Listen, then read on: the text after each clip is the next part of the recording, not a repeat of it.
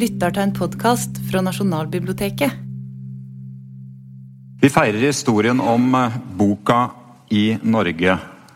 Altså alterboka Missale Nidrosiense og tidebønnsboka Breviarium Nidrosiense. Begge trykket i året 1519. Jeg er veldig glad for å få være med på festen, men jeg er redd at dere vil gå herfra akkurat like kloke hva gjelder disse to utgivelsene. Det må andre ta seg av. Ekspertene fins her ved vårt eget nasjonalbibliotek. I stedet skal jeg forsøke å si noe om enkelte andre deler av bøkenes verden. Og de fleste eksemplene blir fra mitt århundre, dvs. Si 1800-tallet. Det var nok noen som hadde en mistanke, men uh, nå er det etablert. Dette skal handle om hvordan vi kan uh, forsøke å forstå bøkenes verden, og dermed om bokhistorie. Møtet med det som i sin tid ble kalt den nye bokhistorien, ble formativt for meg. Det har preget mitt blikk på tekster, kanskje til og med på verden. Det er noe som fremdeles er med meg. Det handler bl.a. om bevisstheten om betydningen av teksters fysiske former, hvordan disse legger føringer for vår lesning, om hvordan de står i en uavvendelig forbindelse til institusjonelle og sosiale forhold og faktorer. Bokhistorie, altså. En muligens støvete, lite eggende navn. Men enkelt sagt så handler det om en annen form for mediehistorie enn filmens eller fjernsynsmediets. Det handler om å utforske boka som medium, om de mangfoldige former og funksjoner boka og tilliggende herligheter har hatt opp gjennom historien. Det dreier seg om kunnskap om for å si det på litt mer akademisk, det sofistikerte semiotiske systemet som har utviklet seg i løpet av de drøye 550 årene eller så, som vi har holdt oss med den trykte boka. Det innebærer så mangt. Som forskjeller i papir, format, omslag, trykkestil, sidelayout, illustrasjoner, innbinding og det vi kaller paratekster, altså de tekstene som befinner seg utenfor selve hovedteksten. Og Gjennom sånne virkemidler så kan den samme teksten komme til å bety, til å signalisere, særdeles ulike ting. Til å skape ny mening. Eh, det er dette bokhistorien i det store og hele gjør. Den minner oss om at noe vi tar for gitt, så å si naturgitt, ikke er det. Den peker på de kulturelle dimensjonene ved en spesifikk form for teknologi en gammel, velprøvd sådan etter hvert. Eh, men en som en gang selv var ny. Både kodeksen, altså bokas form, som jo kom først, og trykketeknologien, som hos oss i Vesten forbindes med salige Johan Gutenberg fra Mainz, som utga sin trykte folioutgave av Bibelen i året 1455. Mye kan selvsagt sies om de kulturelle konsekvensene av denne teknologiske nyvinningen. Med den trykte boka begynner informasjonssamfunnet, sier man gjerne.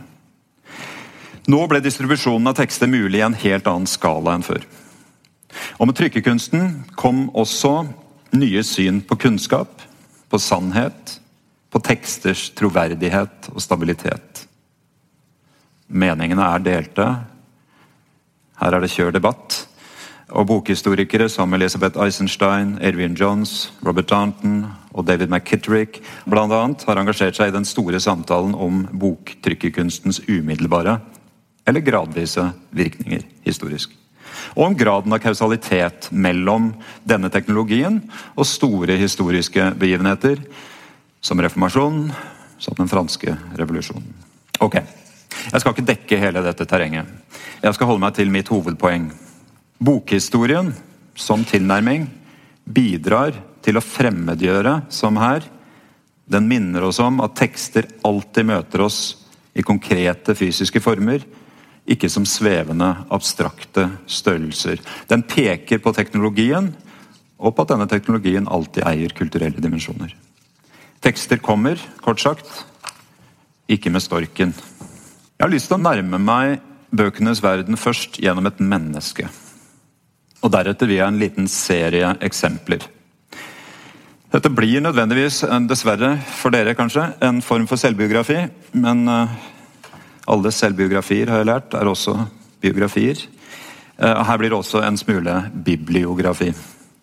Jeg er ikke vanskelig for å datere mitt eget første møte med den nye bokhistorien. For det er med dens historie og metoder altså først og fremst vil innramme denne, dette foredraget om bøkenes verden. Den skjedde ikke først i møte med en tekst, ved å lese Roger Chartier eller Janice Radway eller Jerome McCann f.eks. Den skjedde i et seminarrom som jeg ennå kan se for meg. Og den skjedde i møte med en newzealandsk professor med et Marilyn-lignende utseende.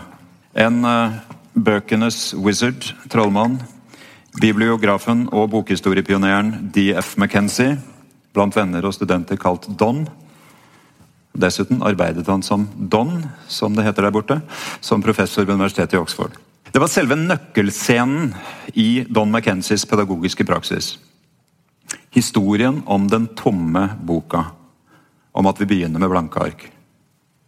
Og at selv blanke ark aldri er helt blanke. Det er ikke et eneste tegn i den, sa han, i håp om at studentene ville komme til å tenke over hva som nå egentlig kunne utgjøre et tegn. I alle fall ingen ord, la han til. Og så sendte han rundt sin hvite bok, en bunke papirer heftet sammen i en form vi forsto at måtte utgjøre innholdet i en uinnbundet bok.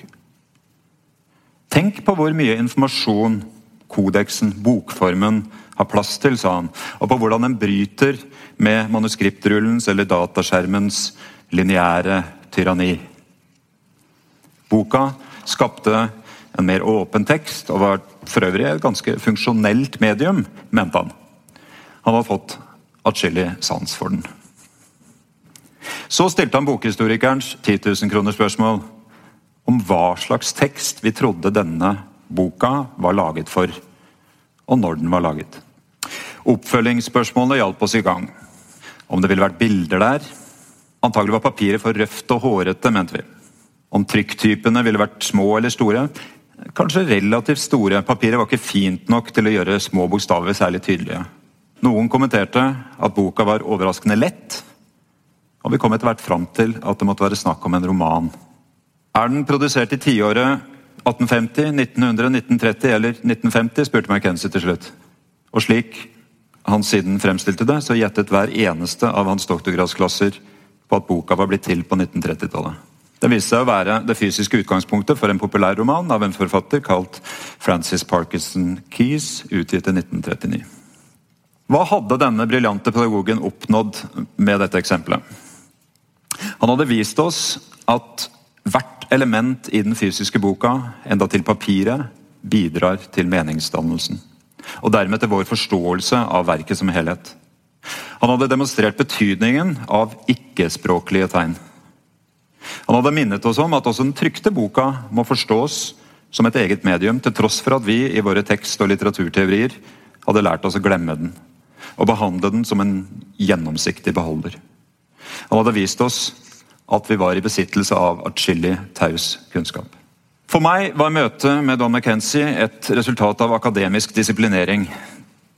Blant de få obligatoriske doktorgradskursene på Engelskfakultetet i Oxford i 1994 så fantes det noe man kalte bibliografi. Jeg hadde forsøkt å søke om fritak av uh, samvittighetsgrunner. Eller rettere sagt, jeg ante ikke hva dette var, og jeg ville ikke forstyrres i arbeidet med min Dickens-avhandling, som jeg ville skrive på normert tid, helst. Men det var slik, ved å bli tvunget til dette, at jeg møtte en mann som altså skulle komme til å forandre mitt syn på hva jeg drev med. Når han kom til sin gjennomgang av trykkehistorien, så imiterte McKenzie de forskjellige teknologiene fra den ene trykkpressen til den andre, helt til han nådde fram til et slags klimaks med laserprinteren. Han hadde i sin tid startet sitt eget trykkeri i New Zealand, og han hadde undervist i drama. og visste, Han visste å nyttiggjøre seg begge deler. Men McKenzies mest åpenbare intellektuelle bidrag var gjaldt forståelsen av hva som utgjør en tekst, av hva som skaper det handlet om hva som utgjør en tekst, og hva som skaper mening når vi leser. Leseren møter alltid teksten i en materiell form, og form gir mening. For en som er opplært i vid forstand formalistisk tradisjon, med toppet med en dose dekonstruksjon, så var slike tanker mildt sagt fremmede. Om det ikke veltet om på riktig alle verdier, så forandret de i alle fall mitt syn på hva som utgjorde en tekst. Jeg kom til å mene at den rene teksten ikke finnes. At tanken om teksten alene er en illusjon. Jeg kan ikke si så mye mer om hans bidrag det er stort til dette bokhistoriefeltet. Men i boka 'Bibliography and the Sociology of Texts', eh, bygget eh, på en serie forelesninger han holdt ved British Library i 1985, så skisserte han en ny type boklig mediehistorie. kan man si. Men la meg, når jeg har, har han her i samme sleng, antyde at slik bokhistorisk forståelse også har større konsekvenser enn at den kan fortelle oss hvem som var leseren av denne boka, eller kanskje noen føringer som denne boka la på lesningen. I hjemlandet New Zealand ga McKenzie bidrag til diskusjonen om de mest sensitive ting i nasjonens eh, forhistorie, i nasjonens fortid. I Waitangi-avtalen, underskrevet den 6. februar 1840, hadde 46 maori-høvdinger gitt den engelske dronningen herredømme over sine landområder. McKenzies rekonstruksjon av denne skjebnesvangre tekstens historie utforsket vestlige forestillinger om skrift, alfabetisme og trykkekunst i møte med en muntlig kultur. I tiåret før avtalen ble underskrevet, så mente europeerne å ha innført en skriftkultur. Men McKenzie viste hvordan dette ikke betød en overgang til de begreper, den praksis og de betydninger som man i vestlig kultur knyttet til skrevne tekster. Maoriene så på Bibelen som et rituelt objekt som ga beskyttelse og makt. Lesning for dem var et, bare et redskap for å kunne lære tekster utenat. Og den skrevne teksten var sekundær i forhold til muntlige konvensjoner. Når maorihøvdingene underskrev eh, Waitangi-avtalen, så oppfattet europeerne det som at de fraskrev seg alle rettigheter til sitt land. For høvdingene stilte det seg annerledes. Én ting var det at det skjedde meningsforskyvninger i oversettelsen av sentrale begreper. En annen at det var muntlige løfter altså, som hadde prioritet for maoriene, som var bindende. McKenzies bidrag, hans innlegg, intervensjon i den debatten, demonstrerte et sentralt trekk ved hans tankegang. Skrift er aldri nøytralt. Det å kontrollere skrift, dens produksjon, anvendelse og betydning, kan være et viktig redskap for politisk makt. Og Har vi noen som helst ambisjoner om å forstå en slik tekst, så må vi overskride nærlesningen gjennom en undersøkelse av tekstens komplekse sosiologiske betingelser. Boka minnet McKenzie om er en ekspressiv form. Og det var han også selv. ekspressiv. Han var opptatt av teknologien, men han advarte mot teknologideterminisme. I tillegg så var han ytterst human, vil jeg si, og dessuten humanist. En som hadde den største respekt og ydmykhet overfor alt arbeid, fysisk og åndelig, kunne man si, meningsdannende, som hadde gått inn i trykkekunstens mange produkter. For drøye 20 år siden, i mars 1999, falt han plutselig om. Det skjedde på det mest passende sted for en bibliograf i et av Oxfords mange vakre bibliotek. Så langt mitt lille forsøk på en biografi om en bibliograf. Men hva er det McKenzies bokhistorie interesserer seg for? Kanskje, slik det siteres fra James Raven i den flotte, rykende ferske utgivelsen her fra Nasjonalbiblioteket, som heter 'Litterære verdensborgere'. Transnasjonale perspektiver på norsk bokhistorie 1519 1850. At bokhistorien er opptatt av de historiske konsekvensene av produksjon, spredning og resepsjon av tekster. I alle deres materielle former, i alle samfunn og tidsperioder. Sånn formulerer James Raven det. Bokhistorien kan sies å stille noen få overordnede spørsmål, skrev jeg i denne boka fra 2003, i forordet til antologien som altså like godt heter Bokhistorie. Hvordan har det boklige systemet artet seg til ulike tider, og hvordan har bokas materialitet betydning for teksten og vår oppfatning av denne? Og dessuten, enda mer overordna, hvordan har boka, både sett som fysisk form og litterært system, påvirket litteraturens, og vi kunne sagt teksters, betydningsdannelser. Kan høre at det er en litteraturforsker som stiller de spørsmålene. Vi har gjerne sans for klare og tydelige begynnelser. Riktig så enkelt er det eh, ofte ikke, men la oss likevel tenke oss at den nye bokhistorien oppsto i og med den amerikanske historikeren Robert Darntons artikkel 'What is the history of books?', først publisert i tidsskriftform i 1982. Siden opptrykt i boka 'The Kiss of Lamourette' fra 1990. I alle fall ble det da satt navn og ord på fenomenet. Histoire de livre i Frankrike, Geschichte des Buchwesens i Tyskland, History of the Books eller of the Book i engelsktalende land. Navnet er forskjellig fra sted til sted, men overalt blir den nye disiplinen, betoning av det nye som skjer her, eh, anerkjent som viktig. Den kan endatil bli kalt den sosiale og kulturelle historien om kommunikasjon via trykk. Hvis det ikke hadde vært så tungvint. Fordi dens anliggende er å forstå hvordan ideer ble overført gjennom trykte objekter, og hvordan eksponering for det trykte ord har påvirket menneskehetens tanker og oppførsel i løpet av de siste 500 år. Det var en slags programerklæring fra Darnton da han prøvde å ordne dette feltet. Ordne, koordinere, heve den teoretiske og metodologiske bevisstheten. Styrke den tverrfaglige, denne tverrfaglige aktiviteten. Darnton skrev om en tverrfaglighet som han mente hadde kommet ut av kontroll. Han foreslo en modell for hvordan man kunne nærme seg teksters kommunikasjonskretsløp et som bl.a. inneholdt forfatter, forlegger, trykker, speditører, bokhandlere, bokbindere og lesere. I tillegg til diverse kulturelle og politiske kontekster. Hvis vi nå skulle forstå bokas kretsløp. Først og fremst er den modellen kanskje en påminnelse om det kollektive arbeidet som inngår i produksjonen av bøker. Et bokhistorisk maksim lyder slik Forfattere skriver ikke bøker. Og det er en viktig påminnelse. Og Denne modellen minner oss om alt arbeidet som går inn i boka, fra forfatter til leser og tilbake, om bokas store fellesskap, kunne man kanskje si. Darton oppmuntret sine lesere til å benytte seg av denne modellen, men han hadde også større anleggener. Han minnet om noen viktige aspekter ved bokhistorien. Sitat, Bøker selv respekterer ikke grenser, verken språklige eller nasjonale. De nekter dessuten å fanges inn av én enkelt disiplins grenser. Konklusjonen var klar nok. I selve sin natur må bokhistorien derfor være internasjonal i skala og tverrfaglig i metode. Og Darnton ville minne om at bøker ikke bare gjengir eller forteller historien, de bidrar til å skape den. Bøkenes verden, eller bokas muligheter, bokas historiske former, bokas liv i kulturen. Det er, altså, det er dette jeg har tenkt å gi dere noen få eksempler på.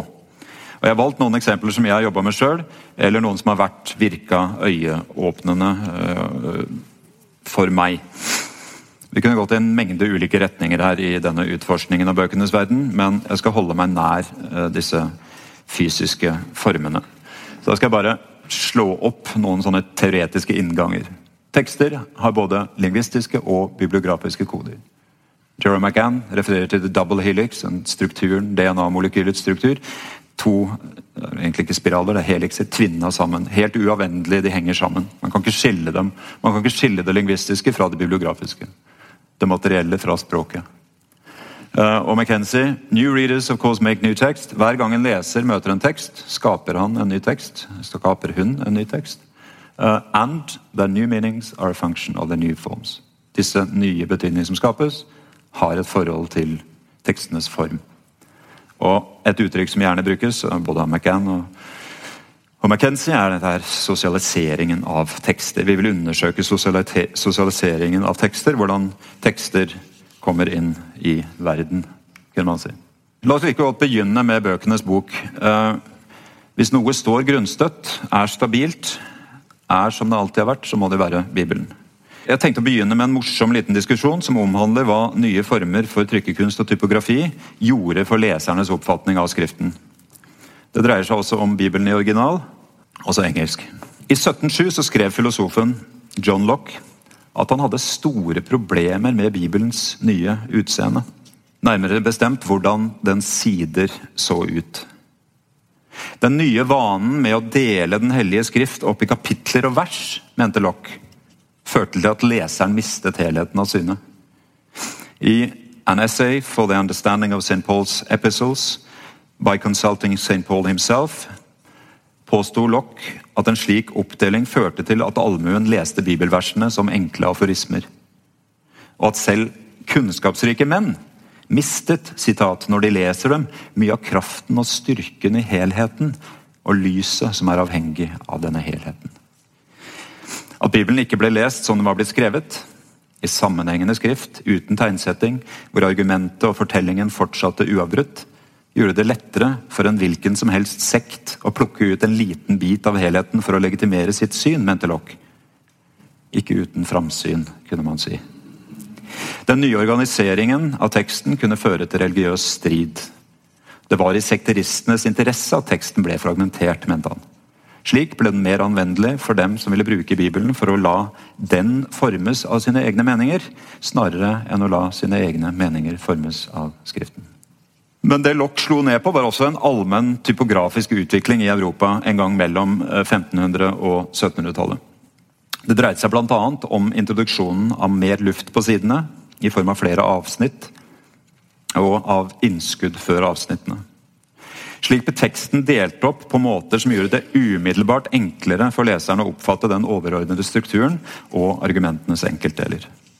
Og I tillegg så kom altså denne inndelingen av Bibelen i kapitler og vers. Et første eksempel.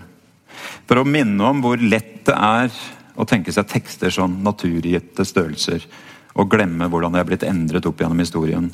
Hvor ustabile de også har vært.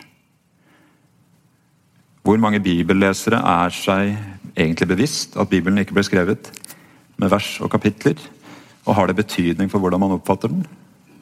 Ja, jeg husker min bestemor og hennes mannavers, manna, mannakorn, heter det. ja. Det hadde ikke vært mulig hvis vi hadde fulgt lokk og, og fulgt den opprinnelige formen som Bibelen, Bibelens tekster hadde. For meg så begynte det bokhistoriske i det engelskspråklige. som dere skjønner, så Derfor noen få eksempler derfra først. Og et spørsmål som er teoretisk. Hvis Mona Lisa befinner seg i Louvre, hvor er da kong Lev? Så det får oss til å tenke over at igjen, tekster befinner seg i konkrete fysiske objekter. Det er en teoretisk innsikt. Og så What is King Lear istedenfor Who is King Lear? What is King Lear? Og dette her skal Jeg bare gjøre. Jeg er overhodet ikke ekspert på dette. her, det jeg, eh, Dette er fra Lucas Ørn, som er en av verdens ledende Shakespeare-forskere, og som også ble, ble eksponert for McKenzies pedagogikk. Det dette, disse spørsmålene bringer vår oppmerksomhet mot, er den konkrete mangfoldigheten som karakteriserer teksters liv i verden. Der ser dere de to viktigste, tidligste utgavene av King Lear, Shakespeares King Lear. Eh, de har enorme forskjeller seg imellom. Altså, jeg kan bare la det henge der, men altså 3100 verselinjer i den kvartutgaven fra, fra 1608. 2900 eh, i, den, i folioutgaven. Eh, det er 300 linjer som ikke er med i den senere folioutgaven der. Det er 100 linjer som ikke er i history i folieutgaven. I tillegg så er det noen verselinjer som er tildelt ulike skikkelser i de to, to utgavene. Hvordan har man løst det? Jo, altså Hva skal man gjøre? Skal man trykke kvartutgaven eller folieutgaven? Eller begge? Eller en blanding? Altså en synoptisk utgave? Gjøre vurderinger av hva som er det beste, hva som er det sterkeste tekstgrunnlaget? Siden Oxford-utgaven kom i 86 og fram til 2008, hadde jeg oversikten over her, så er det elleve ulike varianter av utgaver. Hvor man enten trykker parallelt, man trykker synoptisk, man trykker det, man har i, i en utgave så har man separate bind, eller man trykker det i samme bind osv. Uh, dette bare, det er sånn som vi tar for gitt. da. Altså, The real lair no longer exists, but has given way to the editor's lair, skriver Ørn.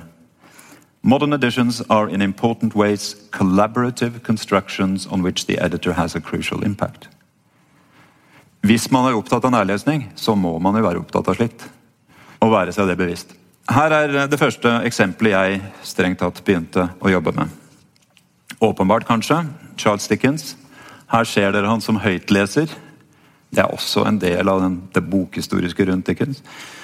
Han skrev ikke opprinnelig bøkene sine for å leses, men han skjønte at det var noe man kunne gjøre, og ble en pioner når det gjaldt høytlesinger. Han hadde pakka fulle teatre med tusenvis av tilhørere. Han reiste rundt, turnerte, hadde flere hundre opplesninger. 600-700 hvis jeg husker riktig. Tjente enorme penger på det. Men dette er altså en kanskje åpenbar case. Men samtidig vil jeg si, så er det omfatta med ganske mye forvirring. Um, for det heter seg jo gjerne at Dickens publiserte sine romaner i avisene. At han fikk betalt per side. At romanene, romanene var, derfor var fulle av cliffhangers. Alt det stemmer egentlig ganske dårlig. Når det gjelder cliffhangers, kan man si i begynnelsen av karrieren så kan man si at han uh, lot seg lokke. Etter hvert så begynte han å mestre sitt format, og da jobba han veldig imot det. Så det kan, det kommer, The text comes to a rest, kunne man kanskje si, på slutten av et sånt hefte. For standardformatet for Dickens' romaner var utgivelser i egne, separate hefter. 19 hefter var normalen, og hvert av disse heftene inneholdt tre eller fire kapitler. 32 trykksider med to illustrasjoner. Utgitt én gang i måneden. De grønne omslagene ble et varemerke. Avslutningen besto av et dobbeltnummer. Så i stedet for de ukentlige heftene til én penny, det vanlige for populærlitteraturen, så kostet et månedlig Dickens-hefte én shilling. Sammenlignet med den kostbare trebindsromanen så var dette likevel billig. Det handler fremdeles om et middelklassesegment, en middelklassepris, men investeringen ble gjort overkommelig ved at den jo da ble etter avbetalingsprinsippet ble fordelt utover halvannet år. Hva var konsekvensene for øvrig, utover at Dickens nådde flere lesere enn han ellers ville gjort? Den dickenske serialiseringsformen førte bl.a. til en diskontinuerlig form for lesning, som var annerledes enn en mer sammenhengende lesepraksis. Og uten tvil så førte denne formen til at Dickens også utviklet et særlig sterkt forhold til sine lesere. Kanskje kunne man tenke seg at denne publiseringskonteksten kan minne om eh, en form for kommunikativ ursituasjon. Altså en forteller som med sine tilhørere eller samtalepartnere er samlet rundt et bål eh, med gode muligheter for dialog. Ikke bare så vet man at Dickens fikk en masse brev fra sine lesere underveis, men det kom også anmeldelser underveis. Det kom til og med teaterforestillinger basert på Nicholas Nickleby før den var ferdig. Så teatrene kjørte Nicholas Nickleby-oppsetninger før de visste hva slutten på romanen var. De gjetta seg frem. Så her har du en typisk leserrespons fra en anmeldelse. da, Don Bjørnsson. Those, and there are thousands of them, who have, like ourselves, discovered the work bit by bit, familiarizing themselves by long association with every characteristic of the ideal personages depicted in the narrative, and coming at last to regard with a sort of tenderness even the green covers of the monthly installment, will comprehend our regret at the dispersion of this imaginary multitude. Dette forholdet til vinden, dette forholdet til romanen underveis, halvannet år. Et forferdelig vanskelig farvel til slutt. Sammenligningen med dagens beste Netflix- og HBO-serier er åpenbar. Men det er kanskje også vanskelig å forstå Knausgårds suksess med Min kamp uten å ta serialiseringen med i bildet, og dermed hvordan mottagelsen kunne slå inn i verket i en stadig dialog. Da alle Dickens' hefter hadde kommet ut, så sørget leserne selv gjerne for å få dem innbundet. Men i tillegg så kom forlaget med et ettbinds eller noen ganger et trebindsutgave. Og denne trebindsutgaven, The Three Decker, var standardformatet for viktorianske romaner.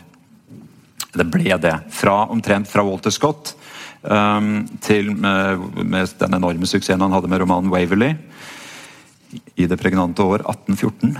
Um, uh, så ble dette etter hvert et fast, fast, format.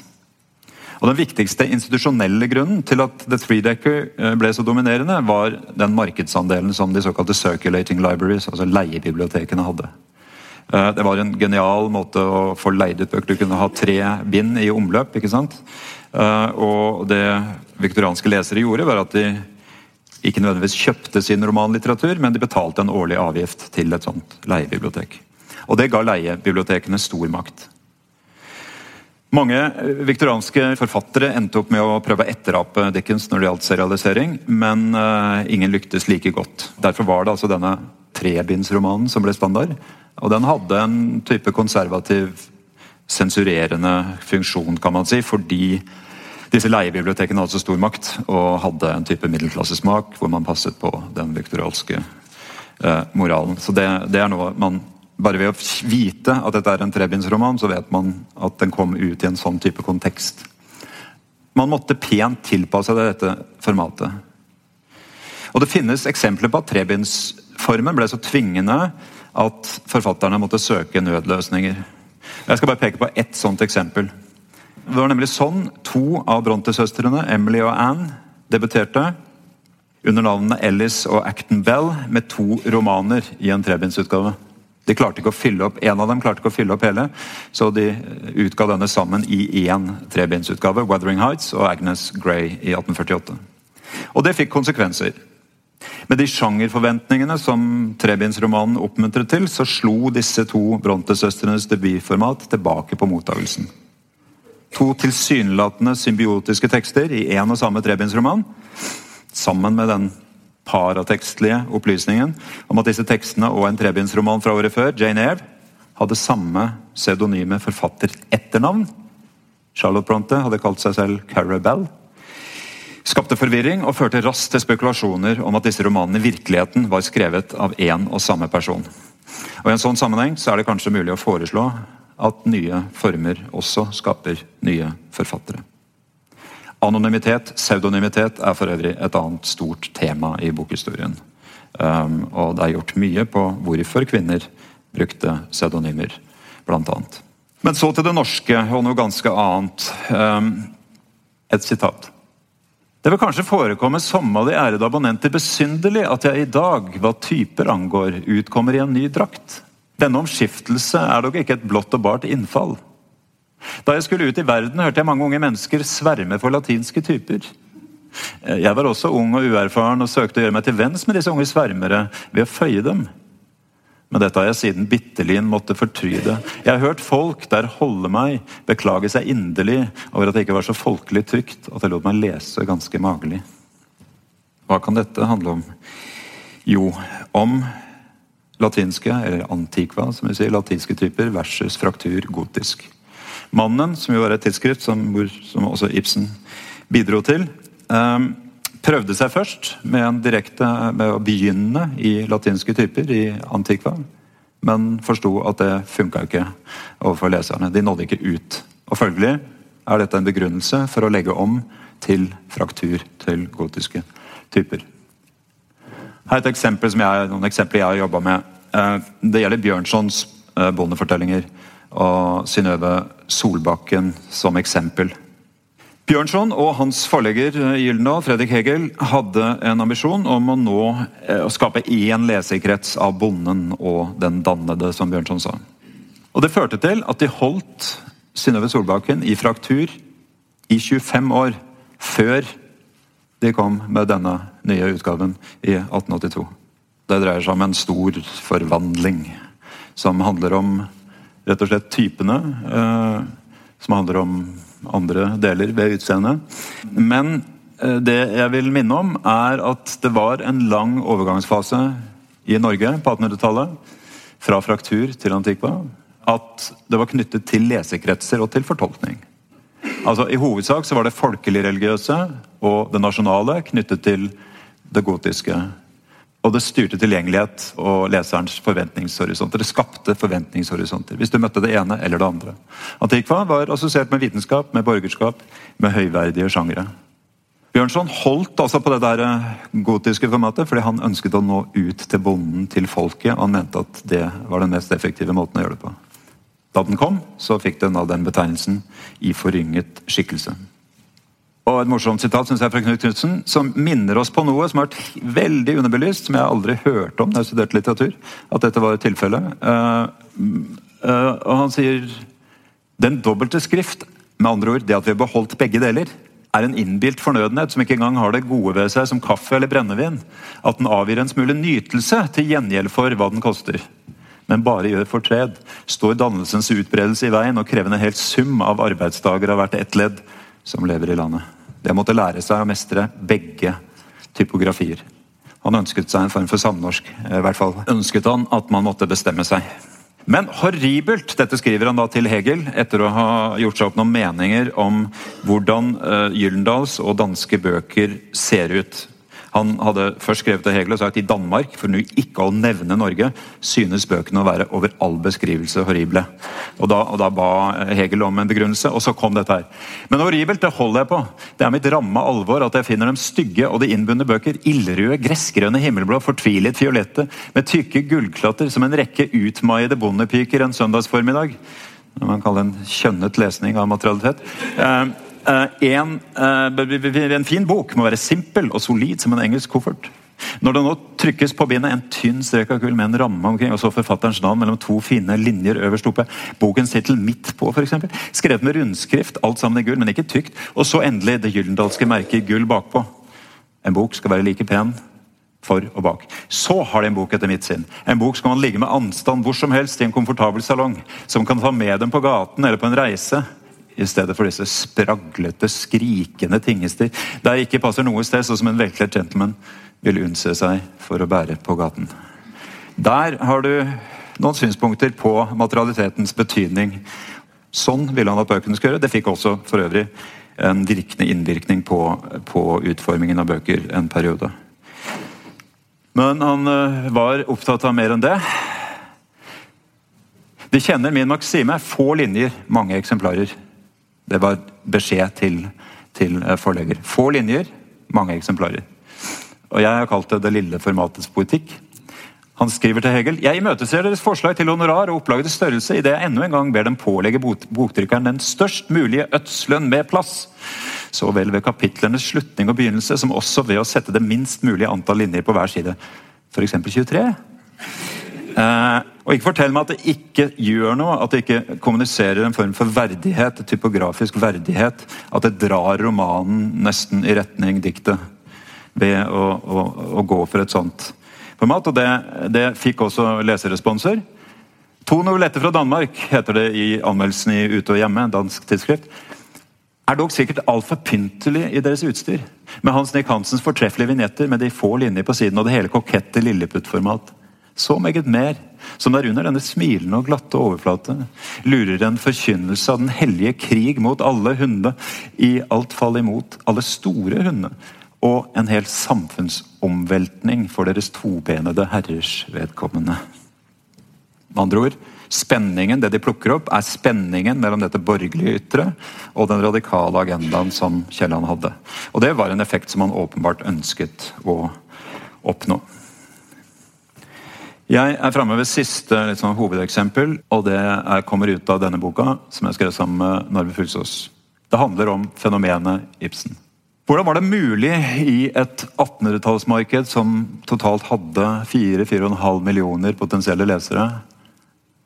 Hvordan kunne et sånt fenomen oppstå som Ibsen? Det er, Bortsett fra at han var begavet, en kunstnerisk begavelse og skrev gode bøker osv. Det vet vi i ettertid. Men hvordan var det mulig å få betingelser for å bli den type kunstner han var? Hvordan var det mulig å komme fra den fjerneste periferi, fra Norge, og bli verdenslitteratur? Ett mulig moment der, og vi kaller det periferiens ressurser, var bøkene.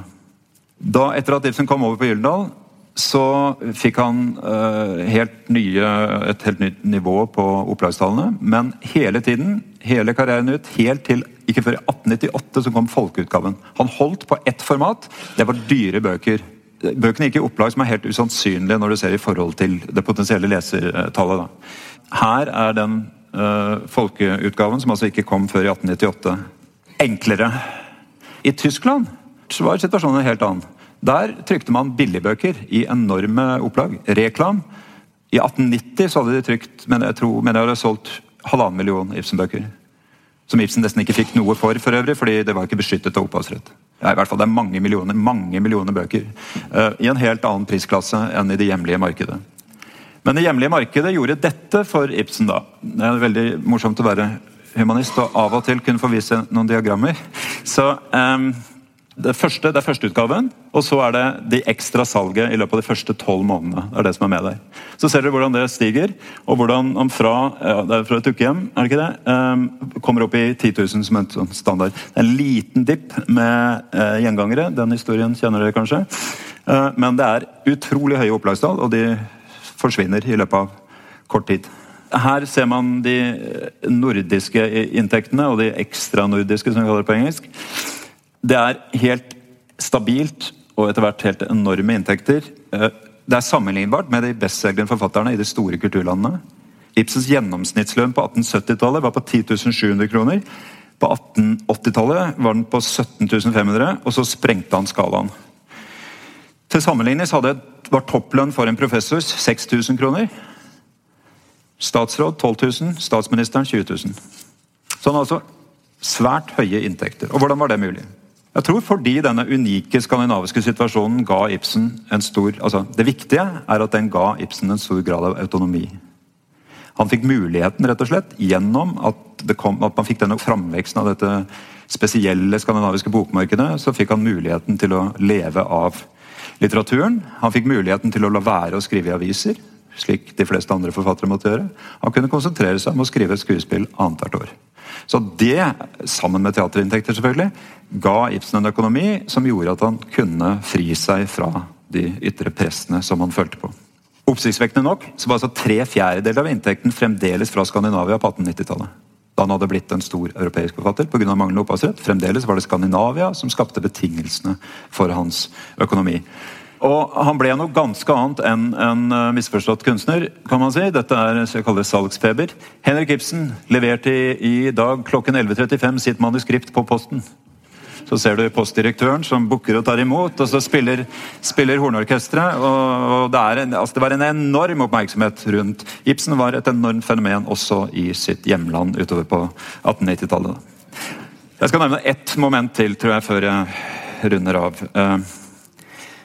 Det fantes en nærhet mellom bok og teater i Skandinavia som de store kulturlandene i Europa i stor grad hadde mistet.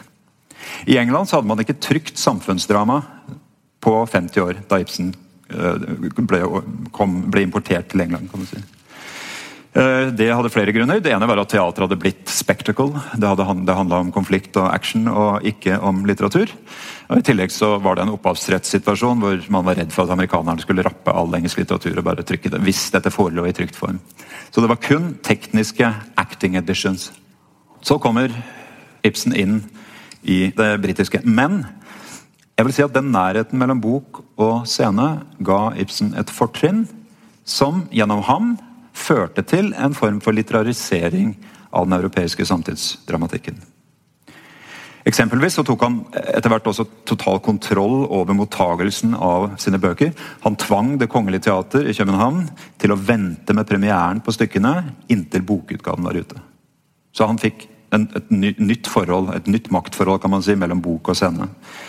Eh, men denne dramaets boklighet fikk også svært konkrete tekstlige konsekvenser. Dette er jo bare da den berømte eller beryktede første sceneanvisningen i Helle Gabler. Et rommelig, smukt og smakfullt eh, utstyrt selskapsværelse dekorert i mørke farger på bakveien Det der resulterte i en mengde i Storbritannia, en mengde fine parodier. Eh, hvor man ramset opp vinduer her og dører der og, og der og rundt, og, og sluttet med noe sånt som So now you know exactly what the scene is like. Men Ibsen er som eh, men det er dette forholdet som da er en betingelse som handler om det bokhistoriske, som fører, som også får tekstlige konsekvenser. Da. Jeg skal gi ett til før jeg slutter. Men Ibsen er altså som verdens mest spilte dramatiker per definisjon internasjonal. Det er også bokhistorien. Og det er den fordi, som jeg siterte Darnton på innledningsvis, bøker ikke respekterer grenser.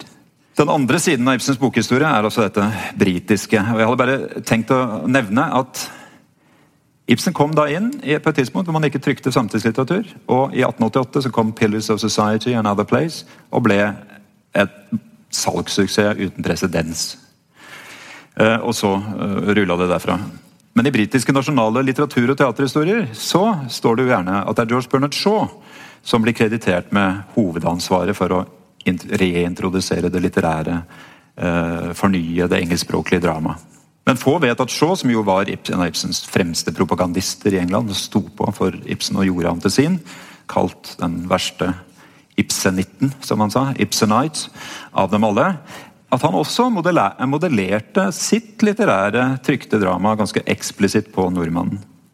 Ikke bare lot han seg åpenbart inspirere av nordmannens sceneanvisninger, han utvida dem til mer nesten essays. Eh, men han vil også lære av nordmannen og hans britiske forleggere. Helt ned på typografisk nivå. Dette er hans instruksjon til sin forlegger. If you have a copy of Walter Scott's volumes of Ibsen's plays, you will see how the style of the thing I want works at three plays to the volume. In Scott's edition, the block of letterpress is not properly set on the page, but otherwise it's not so bad sier han. Og så går han videre, og da er det helt nede på at istedenfor kursiv så bruker du spacing. Altså han, han, modellerer seg i detalj på hvordan Ibsens bøker framstår i Storbritannia. Bokhistorie, type tidligere ny, kan være så mangt. Jeg nærmer meg en slutt. Og ikke minst viktig er det altså at den er tverrfaglig. Den utøves av alle slags historikere og litteraturforskere, men også av samfunnsvitere, teologer, pedagoger, naturvitere som beskjeftiger seg med tekster. I mitt virke som litteraturforsker så har jeg kanskje vært mest opptatt av hvordan det boklige systemet legger premisser for våre oppfatninger av forfattere og tekster. Men den har også hjulpet meg til å lese oppmerksomt hva gjelder signalene som sendes gjennom tekstens fysiske form. Den doble heliksen som jeg nevnte. Dette forholdet, tette forholdet mellom det språklige, det lingvistiske og de materielle kodene. Men først og fremst, for meg som litteraturforsker, og også som, for så vidt som biograf i møte med all slags tekster, så er bokhistorien en tverrfaglig metode, et blikk for hvordan tekster eksisterer i verden. Bokhistorien har med andre ord lært meg å skue hunden på hårene. Å gjenkjenne betydningen av det ytre. Det bør man gjøre. Før man så, vil jeg også si, gir hunden en sjanse til å motbevise førsteinntrykket. For bokhistorien, slik den er blitt eh, praktisert sånn omtrent siden Darntons manifestartikkel, minner oss om materialitetens funksjoner. Men også om det ustabile og usikre, om at tekster og deres betydninger stadig endres, om vilkårligheten og det som på fint heter kontingens, om det skjøre, unike som omfatter tekster, og all menneskelig meningsskaping i møte med disse. Som lesere blir vi bundet, forført, av de føringer tekstens materielle former legger på oss. Men det er heldigvis ikke slik at teksten, som en følge av sin fysiske form, mister sine semantiske koder. Og heller ikke slik at vi mister all frihet. Bøkenes verden er en verden skapt og befolket av mennesker. Den er et kollektivt produkt, noe vi stadig fortsetter å skape, som forfattere, forleggere, bokdesignere, kritikere, lesere. Boka er kort sagt noe vi er sammen om. Takk.